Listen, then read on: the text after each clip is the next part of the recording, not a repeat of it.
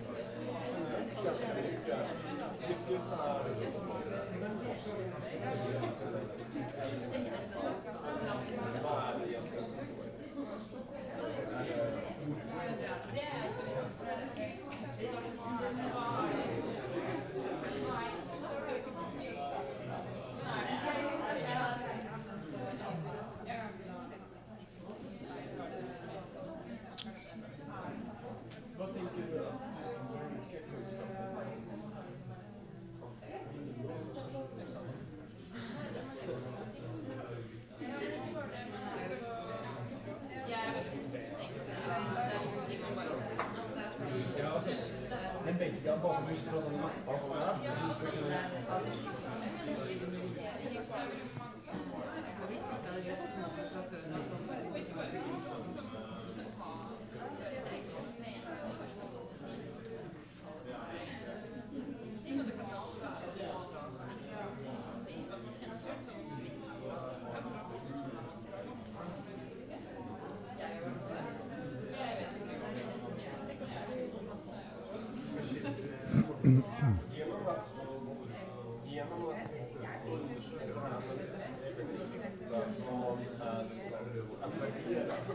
Yeah.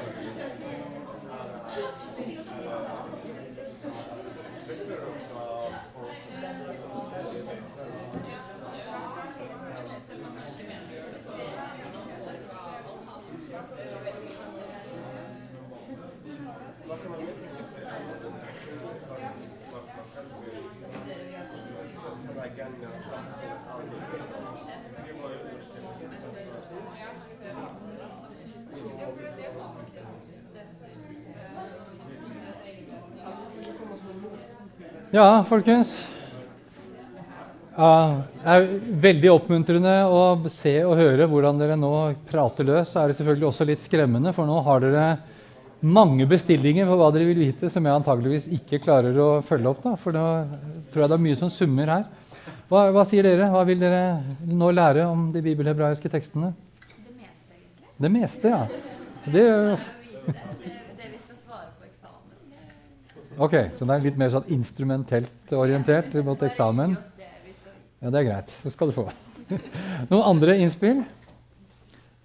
Ja? Det er ganske individuelt.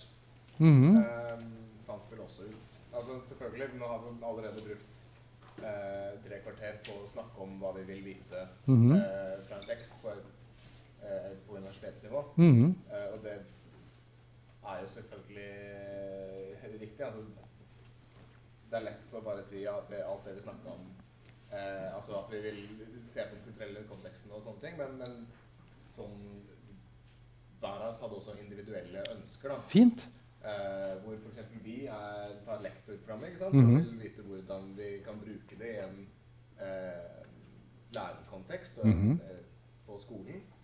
Og hvordan, det, hvordan man kan bruke det til å eh, fremme multikultur og diverse åpenhet. Nettopp. Eh, snakker også om eh, hvordan man kan bruke det til å forebygge Forebyggende fordommer. Som Ja.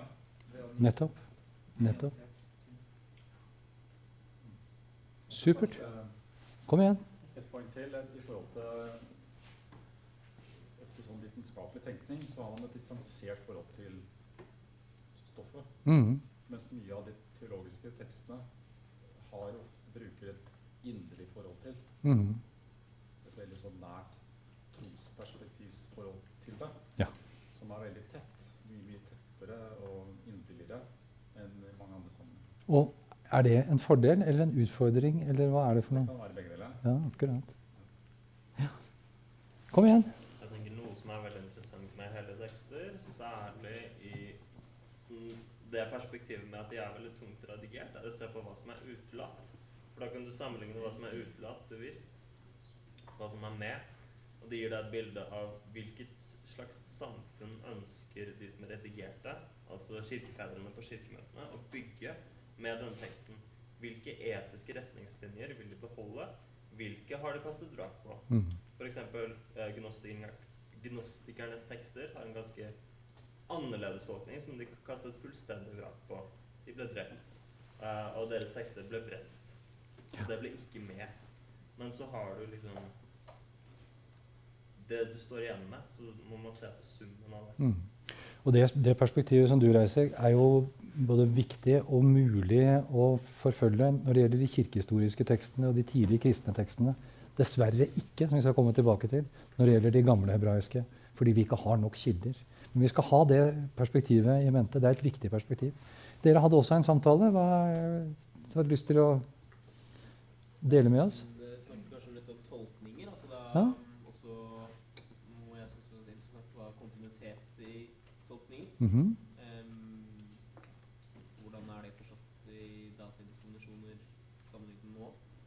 det. Men um, og hvordan er det allog altså Jeg hører mye som prat om allegoriske tolkninger. Mhm. Hvordan er det eh, de allegoriske tolkningene i de sosiale dimensjonene på den tiden? Ja.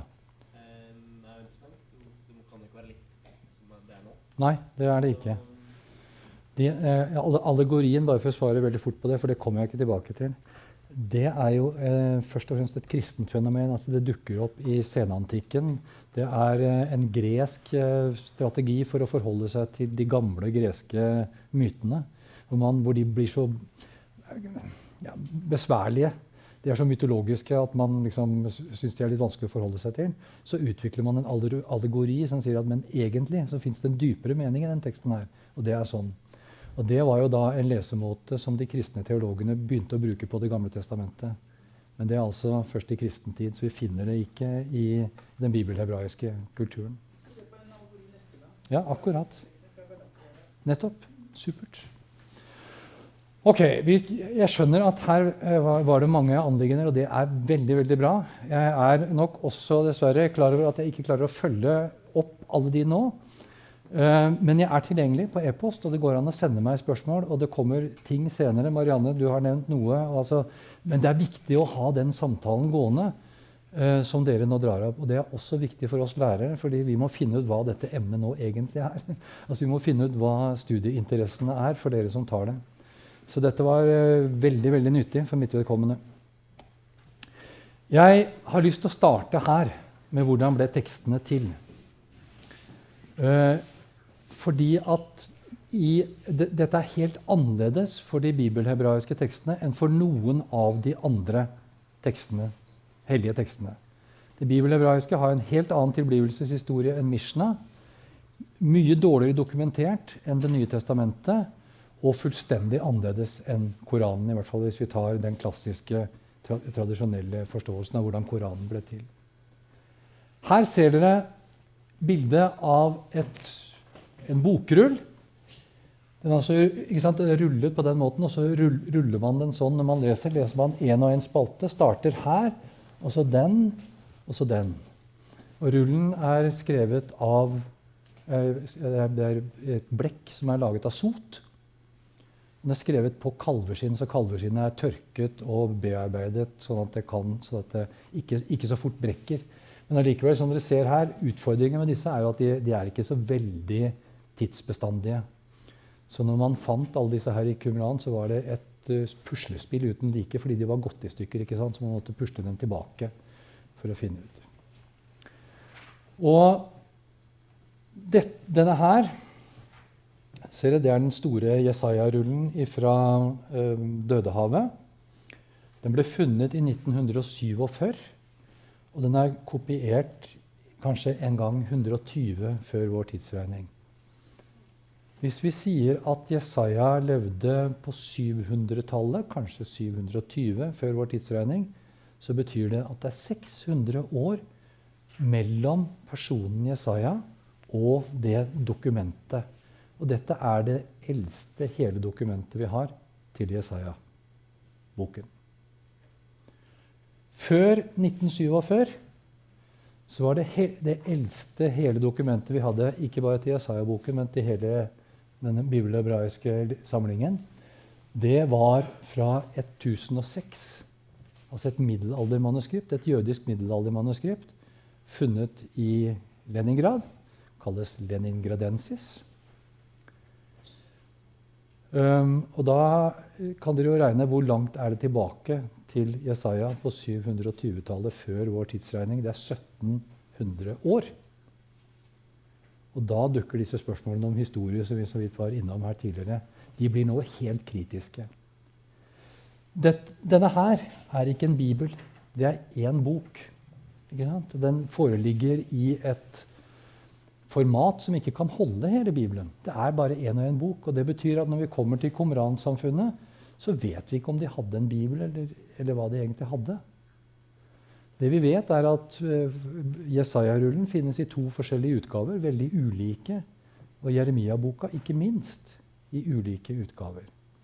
Så hele spørsmålet om, hvordan tekstene både først ble til som tekster, og dernest som samling, det er et veldig veldig komplisert spørsmål. Og Det spørsmålet det underbetones av nesten alle brukerne av disse tekstene. Um, det vi ser av denne typen manuskripter, altså den, denne fra 120, den er nokså lik den Jesaja-boka som finnes i, i, fra 1000-tallet. Men det er noen små endringer.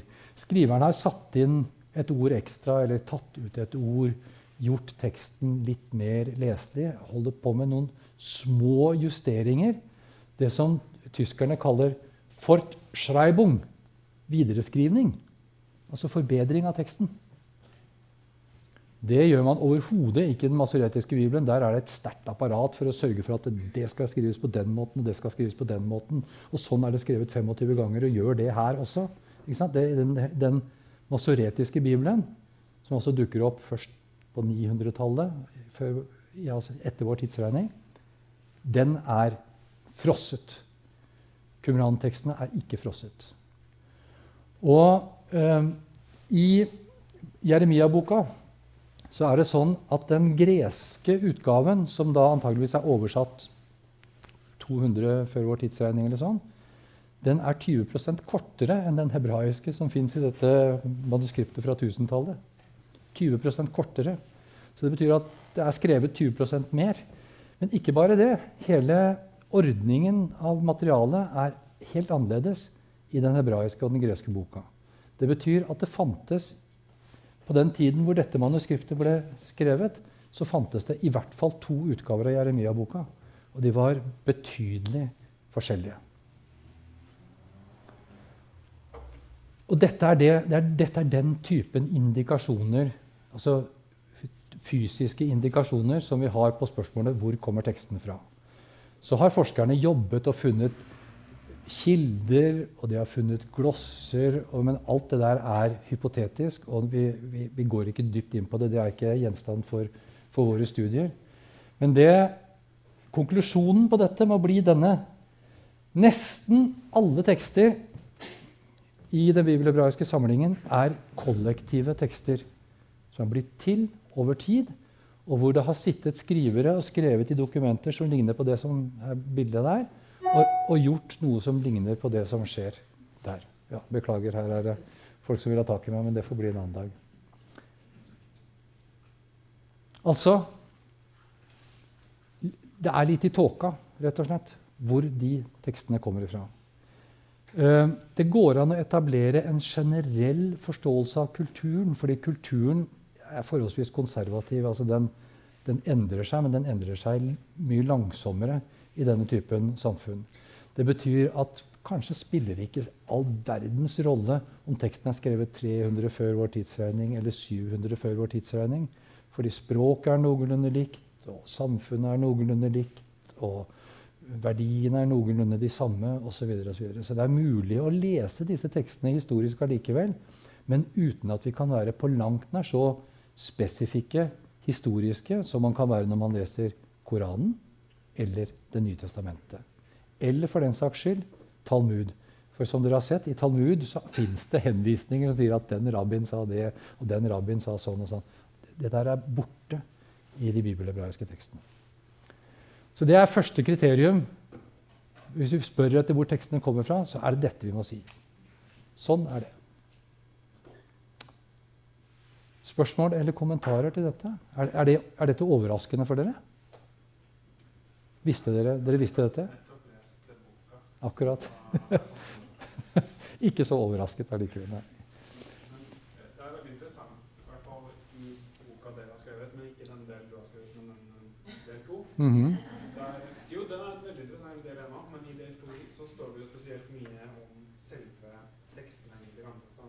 Ja. Og også er det til, nesten tilskrevet hver eneste eh, del av Det gamle testamentet, så er det også en sånn sosial eh, sosialt aspekt. da. Ja.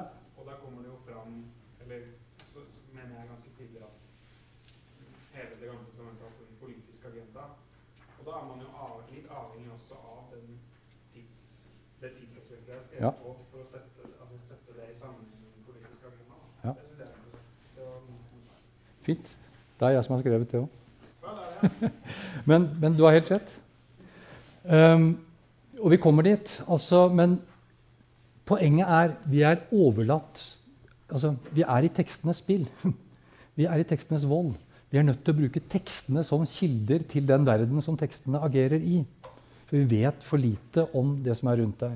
Men f.eks. i 5. Mosebok Deuteronomium, så er det veldig tydelig at det er et politisk program. ikke sant? Den vil etablere en, et Israel. Og det er samme i Genesis og ikke minst i Exodus.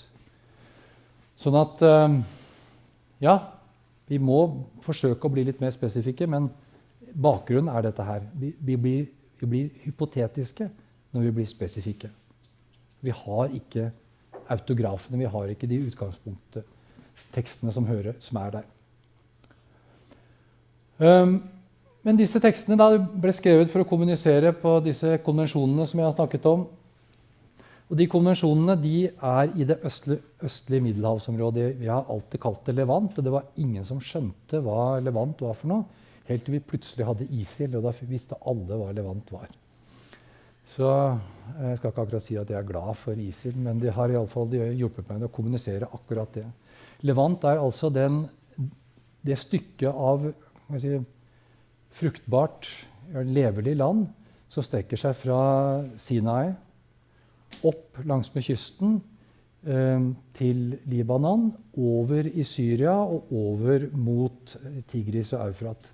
Det er en slags eh, si, den eh, vestlige halvdelen av den fruktbare halvmåne. Det kaller vi Levant. Og det er ikke et veldig stort landområde. Altså Hvis du hadde kunnet kjøre bil på ordentlige veier hele veien, så hadde du fint kjørt igjennom det på en dag. Men, det kan man jo ikke gjøre, så dere vet.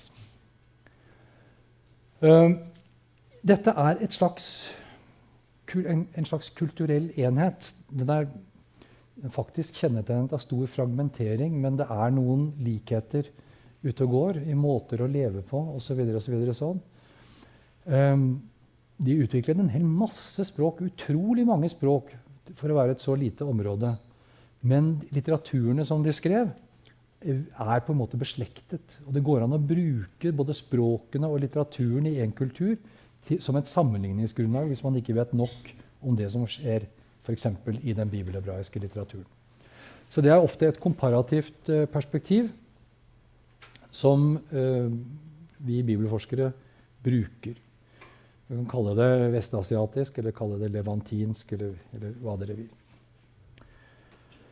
Um, og det fins også da disse ulike litteraturtypene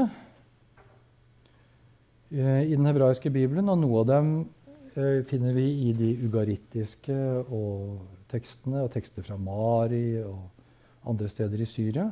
Noen faktisk også fra Ninive og Babylon, altså helt nede i den andre enden av dette semittiske feltet. Vi snakker om det vestsemittisk, som er det bibelhebraiske og det ugarittiske og ja, amorittiske og sånn. Og så det østsemittiske, som er de babylonske eh, språkene. Men de har lest hverandres tekster og hverandres skriftsystemer, og det har vært en utveksling på tvers her.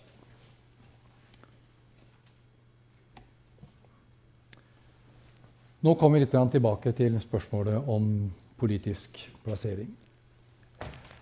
Dette, dette øverste spørsmålet her, det er veldig omstridt. Um, vanligvis så har man likt å tenke på den, den, antikke jødiske kulturen som velutdannet. Den middelalderske jødiske kulturen den var velutdannet. Um, men uh, mye taler for at leseferdighetene i den perioden hvor de bibelhebraiske tekstene ble skrevet, var veldig lav. Helt nede, Kanskje nede på 3 kanskje på 5% men det spiller ikke veldig stor rolle.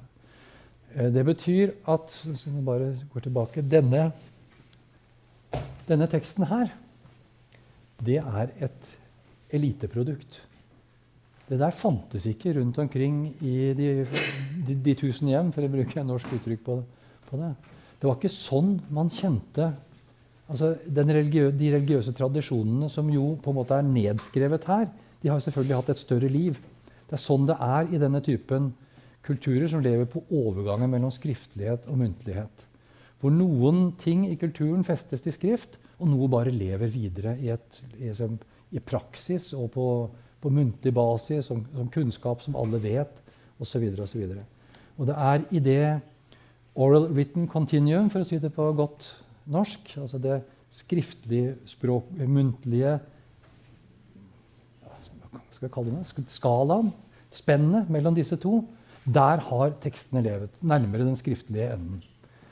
Men hvis vi tror at det var tekster som hadde betydning for flere enn de tre prosentene, så må tekstene på en eller annen måte også hatt en form for nærvær i den muntlige kulturen. Det er et veldig spennende spørsmål. Um, og jeg tror at tekstene har levd på tvers i hele dette feltet. og Det betyr at vi har dokumentert bare en liten bit av dem. F.eks., som vi var inne på her, Det fins et program for nasjonsbygning i 5. Mosebok. 5. Mosebok henvender seg til den allmenne israelitt. etab- Konstruerer dette begrepet israelitt og vil at de skal gjøre sånn og sånn, og det skal være absolutt alle sammen. Men det er meningsløst å skrive sånn hvis det er bare 3% av befolkningen som leser teksten. Altså, adressaten, Den innebygde adressaten spre, sprenger den der rammen for litteraturen. Det samme implisitt i Genesis. Alle disse stammene, stamfedrene. ikke sant? Kan, det, hva, hva, er det med sånne stamfedre? Jo, det, om dem går det muntlige fortellinger. ikke sant? De, de genealogiene det er typisk muntlig litteratur. Som her har fått en nedskrift i, i Genesis, i Første Mosebok. Men materialet lever ikke bare i Første Mosebok. Tvert imot. Og i Nehemia 8, et av kapitlene som dere skal lese, der er det en fortelling om, og den forholds fra tiden etter at eh, de intellektuelle har kommet tilbake fra Babylon, så vi er på, kanskje på 300-tallet. Det handler om at de finner fram lovboka og står og leser den i en slags eh, seremoni. Og når uh, Nehemia reiser seg, Esra reiser seg og leser, så reiser hele forsamlingen seg opp. Det ser ut som en norsk høymesse, nesten. Hvor hele gjengen spretter opp, og så står de. Og han leser lenge, så de må ha hatt god kondis. Um, er, er, det en sånn situasjon vi skal tenke oss? Ja, det vet vi ikke. Et eller annet må det ha vært. Hvis La oss nå si at 95% av befolkningen møtte den boka skal vi si, en gang i året. Hvor den ble løftet opp, og så reiste man seg, og så sto man og hørte kanskje i noen timer. Og så hørte man ikke noe mer før det var, gikk et år, og det var neste gang. Hva slags nærvær har teksten? Hva slags betydning har teksten i folks liv da? Jeg arbeider litt med dette i del 1 i boka deres.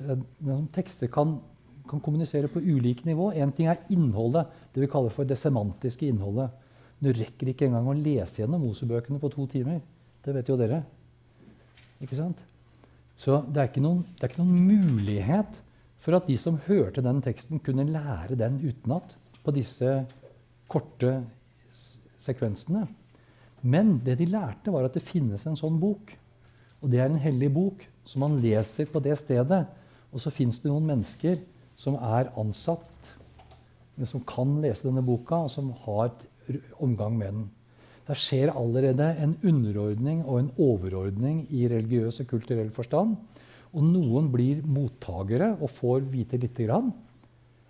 Men det de, det de, tror på, det er ikke nødvendigvis det samme som det som står i denne boka. For det de tror på, det er det man alltid har trodd på her i denne muntlige verden hvor de lever. Og Det kan godt være at en del av det de trodde på, også er omtalt f.eks. i Genesis. Men det kan også godt være at det var noe helt annet, eller at det bare var overlappende. Eller at det var det samme, men med en annen profil. Dette vet vi veldig, veldig lite om. Så um, her ligger noen problemstillinger som er virkelig interessante. Og hvis noen av dere skulle få den vanvittige idé å fortsette å studere disse spørsmålene, så vil jeg veldig gjerne gjøre det sammen med dere. For dette er de tingene jeg holder på med, og kommer til å holde på med til, eh, til jeg ikke arbeider lenger. Ok, men dere ser problemstillingene. og eh, Jeg pleier å si det sånn i mitt fag at det er mye viktigere med gode problemstillinger enn gode svar. Ja, her har dere noen virkelig gode problemstillinger som dere skal holde i bakhodet når dere begynner å lese. Det er sånne problemstillinger som kan åpne teksten litt. Jeg har ikke svar på disse spørsmålene. Jeg er helt sikker på én ting. Eh, femte Mosebok eh, har et program som sier vi skal aldri bruke bilder når vi tilber Gud. Det er strengt forbudt i Femte Mosebok. Så når jeg besøker med mine venner arkeologene som driver og graver i Israel, så dukker det opp bilder og små figuriner overalt. Altså, og særlig av kvinner. Og, og Israels gud er altså ikke kvinne. Det er kun et par små metaforiske steder hvor, hvor Gud sammenlignes med en kvinne. Så det betyr at Israels religion har ikke vært den samme religionen som deutronomistenes religion. Det er noen spenninger ute og går her. Det er i hvert fall helt sikkert. Det kan være at, eh, at deutronomium da tross alt skal helst forstås som noe elitært. Et forsøk på å, liksom, å sluse massene i den retningen. Og så leve med at i realiteten så er det ikke akkurat det de gjør. Så det er eh, Vær obs når noen sier eh, Sånn gjorde Israel. Og det er, det er, dette er den vanlige måten å bruke Det gamle testamentet i tekstene på. Israel var det alltid sånn at Ja, mm -mm, ja ok. 3% de ville at det skulle vært sånn. Det er det vi vet når vi leser tekstene. Men noen ganger lurer jeg på om det egentlig var det de ville også. Men det, det er jo en annen problemstilling. Og da er vi over på dette jeg lovte deg litt om historie. Hvordan kan vi bruke disse tekstene som kilder for historie? Og for å si noe om hvordan tingene faktisk var. Og Det som er med disse nesten alle bibelfortellingene altså hvis, når, jeg, når jeg tar på meg litteraturviterbrillene og så ser på dem som litteratur Nesten alle sammen har en allvitende forteller som forteller liksom fra et sted som ikke er definert. Det er han kan være i himmelen og vet hva Gud vil. Og han kan være i ørkenen og se hva Moses gjør, og samtidig være tilbake i Israel og vite hva som foregår. Han svever helt over. Og han henvender seg helt allment til alle. Enten til alle mennesker eller til alle israelitter eller hva det måtte være for noe. Og Effekten av dette er jo omtrent som på en dokumentarfilm. ikke sant? Vi, vi stoler på at vi får vite alt som vi trenger å vite. Og vi, det er en nøytral fortelling. Vi har allerede sett at det er jo ikke nøytralt. Ikke det er en nøytralitet som backer et bestemt politisk program. Og det er en veldig, veldig viktig innsikt. Um, den tradisjonelle nyprotestantiske religion så har vi så vidt allerede sagt det til dere. Og det gjelder den, den lærde tradisjonen like så mye som lekmannstradisjonen. Den sier at sannhet er historie. Så hvis bibelfortellingene skal være sanne, så må de være historiske. Altså Det som de forteller om, det må ha skjedd. Og Bibelforskningen fra 1870-tallet og utover den har i all hovedsak dreid seg om det spørsmålet hva i det som står her, er det vi fortsatt kan tro på at det er historisk. Det har vært inngangsspørsmålet, særlig i Det gamle testamentet, men det har vært viktig i Det nye testamentet òg. Spørsmålet om hvem var den historiske Jesus osv. Altså, men det er jo et merkelig premiss. Det er jo ingen av oss, jeg mener, Kristin Lavransdatter er en bok som handler om historiske forhold. Men det er ingen av oss som ville tenke at Kristin Lavransdatter er noe mindre verdi, av noe mindre verdi, selv om det ikke fantes en person som het Kristin Lavransdatter. Altså, det er noe med at hvis, hvis, hvis, litteraturviteren ser på dette, så vet man at det finnes mange typer sannheter i litteratur. De kan kommunisere på ulike måter, de kan treffe oss som mennesker på ulike måter. Men den teologiske lesningen av disse tekstene har vært så bred, og det har handlet om historie. Så historiespørsmålet har vært utrolig viktig. Og det skyldes vår kulturelle arv. Dette er, dette er eh, opplysningstiden og romantikken, egentlig, som, som, har styrt oss i denne retningen. Og Derfor så het faget i skolen bibelhistorie. ikke sant? Og det var ganske lenge at det het bibelhistorie. Ja, kom igjen. Det er bare en kommentar, men har ikke Har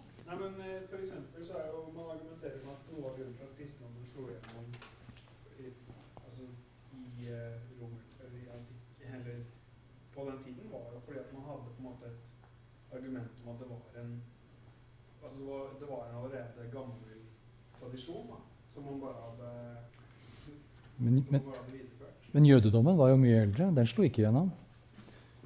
Nei, men eh, de gjorde jo noen endringer som gjorde at det ble lettere å, å men, da, men, da, var det jo endringene og ikke historien som var viktig? Nei, men argumentet med at de hadde en ja. forankring i en gammel tradisjon, mener man at hadde en påvirkning på eh, hedningene på den tiden. Fordi at de kunne forholde seg til altså, sa Saken er at den romerske staten anerkjente gamle tradisjoner. Så, det, så Sånn sett var det et poeng å prøve å skyte seg inn under det jødiske. For da ble man ikke forfulgt. Jødene fikk lov å utføre sin religion. Men hvis vi nå kikker på tekstene her, så er jeg ganske sikker på at mange av de tekstene har ikke intensjoner om å fortelle om historiske hendelser. F.eks. Jobbs bok, som alltid leses som en historie om en bestemt person som levde samtidig med Abraham. Det er, det er bare ikke sånn. Altså, det er mye med Kristin Lavransdatter. Den, den, den, lager et litterært univers som er, for å si det på, på godt litteraturvitersk, det er jo bedre enn virkeligheten. Ikke sant?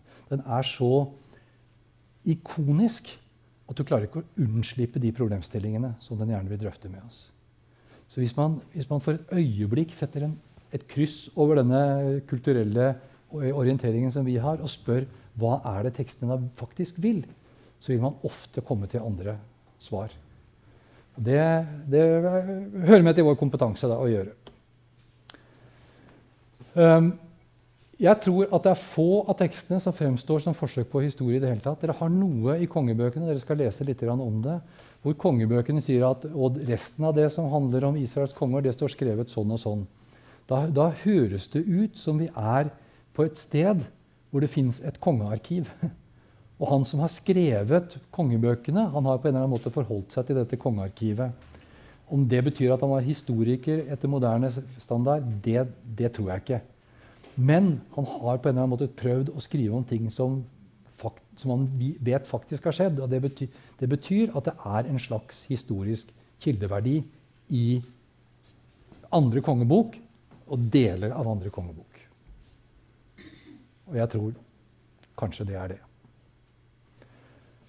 Ok. Det var da voldsomt. Um, men jeg tror altså at Jeg bruker uttrykket 'kulturelt minne'. Og i, i avsnittet om Samuelsbøkene så starter jeg med et ekskurs om kulturelt minne.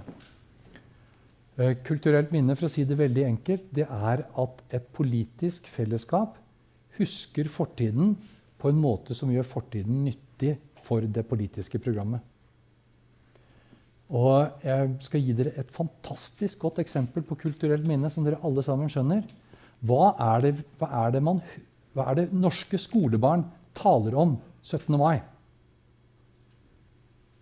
1814, 1905, 1940 kanskje, men i hvert fall 1945. De årstallene inngår i det norske kulturelle minnet for å konstruere norsk identitet. Sånn tror jeg veldig mange av bibeltekstene har fungert også. De har, de har konstruert en slags identitet. Abraham, Isak og Jakob. Det er oss det handler om. Denne typen utvekslinger jeg tror, rimelig, jeg tror, tror ikke det er rimelig å tro at de som skrev det, trodde at disse personene var historiske på den måten som vi omtaler historiske. De var disse minnene som levde der. Og det som var viktig med disse minnene, det var at de legitimerte den typen samfunn som de nå hadde.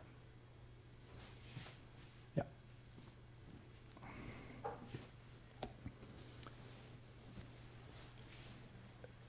Et, jeg, skal, jeg, skal, utdype dette litt, for dette med historie er viktig. Det begynner å gå for kort tid her. Det er altså bare rett og slett umulig å ta veldig mye av bibellitteraturen som kilder. Her har jeg laget en oversikt av dette dokumentet. finner dere i fronterommet også. Her borte har vi periodene sånn som vi historikere eh, plasserer dem. Her, og, og, og, kort karakteristikk. Her er bibelfortellingenes hendelser sånn som bibelfortellingen plasserer dem i forhold til dette her. Uh, og hvilke personer som dukker opp osv. her. Og her er kildene plassert på den samme skalaen som dere har her. Uh, og dette er, en, dette er en tradisjonell kildedatering. Dvs. Si at den er fortsatt opptatt av historie. og den, Jeg har bare gjengitt for den tradisjonelle kilden J på 900-tallet. Jeg tror ingenting på at den fantes på 900-tallet, men det tror fortsatt veldig mange forskere, så da har jeg bare latt den stå der. Den representerer her en allmenn kunnskap. Kilden J er den tidligste kilden om Abraham. Hvis den er skrevet på 900-tallet, så er det altså 900 år tilbake til Abraham. 900 år, det er 30 generasjoner. Det fins ingen historiker som vil bruke en sånn tekst som kilde for hva som skjedde med Abraham. Slett ikke som kilde til hva Abraham tenkte, og hva Gud sa til Abraham. Men heller ikke til at Abraham fantes. Ser dere? Så, så spennende. sånn, Den er jo fotside. Her, her, her ligger alle kildene. Og, og her er hendelsene. Og det er egentlig det jeg sa til dere i stad, er at vi kan begynne å tale om historiske reflekser herifra og nedover. Og vi finner det i det deutronomistiske historieverket som kan ha kilder som går tilbake.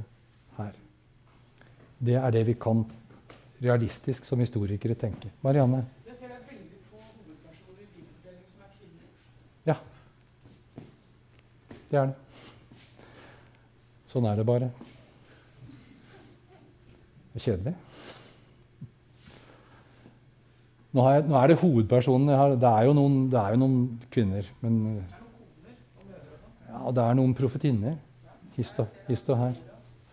Ja, Vi kunne hatt Hulda og litt sånn, men det er ikke veldig mange kvinner. altså. Det er jo et annet politisk perspektiv hvor disse tre prosentene som skrev, hvem, hvem tror dere de var? Mm. Ok, Ja. fint. Jeg håper du kommer inn på Dette er jo, dette er jo ikke veldig mye bedre i Det nye testamentet heller. Så dette følger det, de kristne hellige tekstene. Og de jødiske, faktisk. Ålreit. Dette, dette må dere bare ta og kikke på. Og, altså, det, det er ikke at dere skal lære dette, men det er for å gi dere en følelse av dette med historisitet. Det er et virkelig problematisk felt.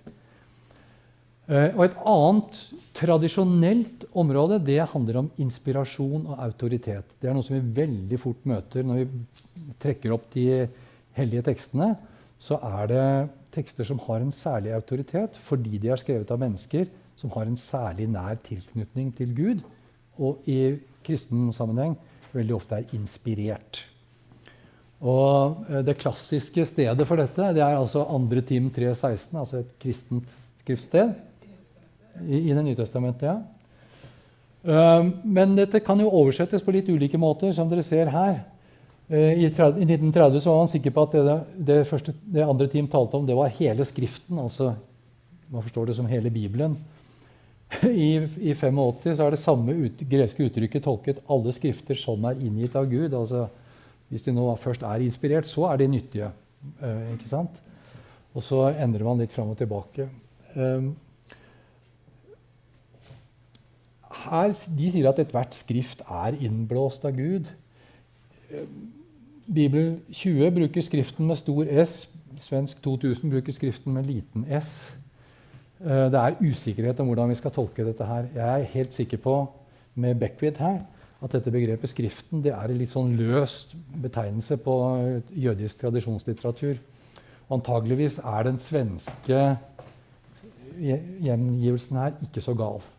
Enhver bok som finnes i den haugen av bøker som vi kaller Skriften, den er inspirert av Gud. Men hva betyr nå det?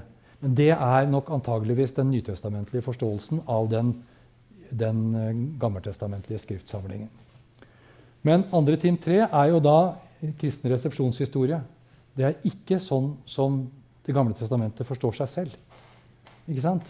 Hvis vi går til de gammeltestamentlige tekstene, så er det ingen tydelige referanser til profeter som forfattere, bortsett fra Esekiel. Og den, det skriftet som han forfatter, det er ikke Esekiel-boka, men det er et skrift som blir borte. Blir tapt i elva.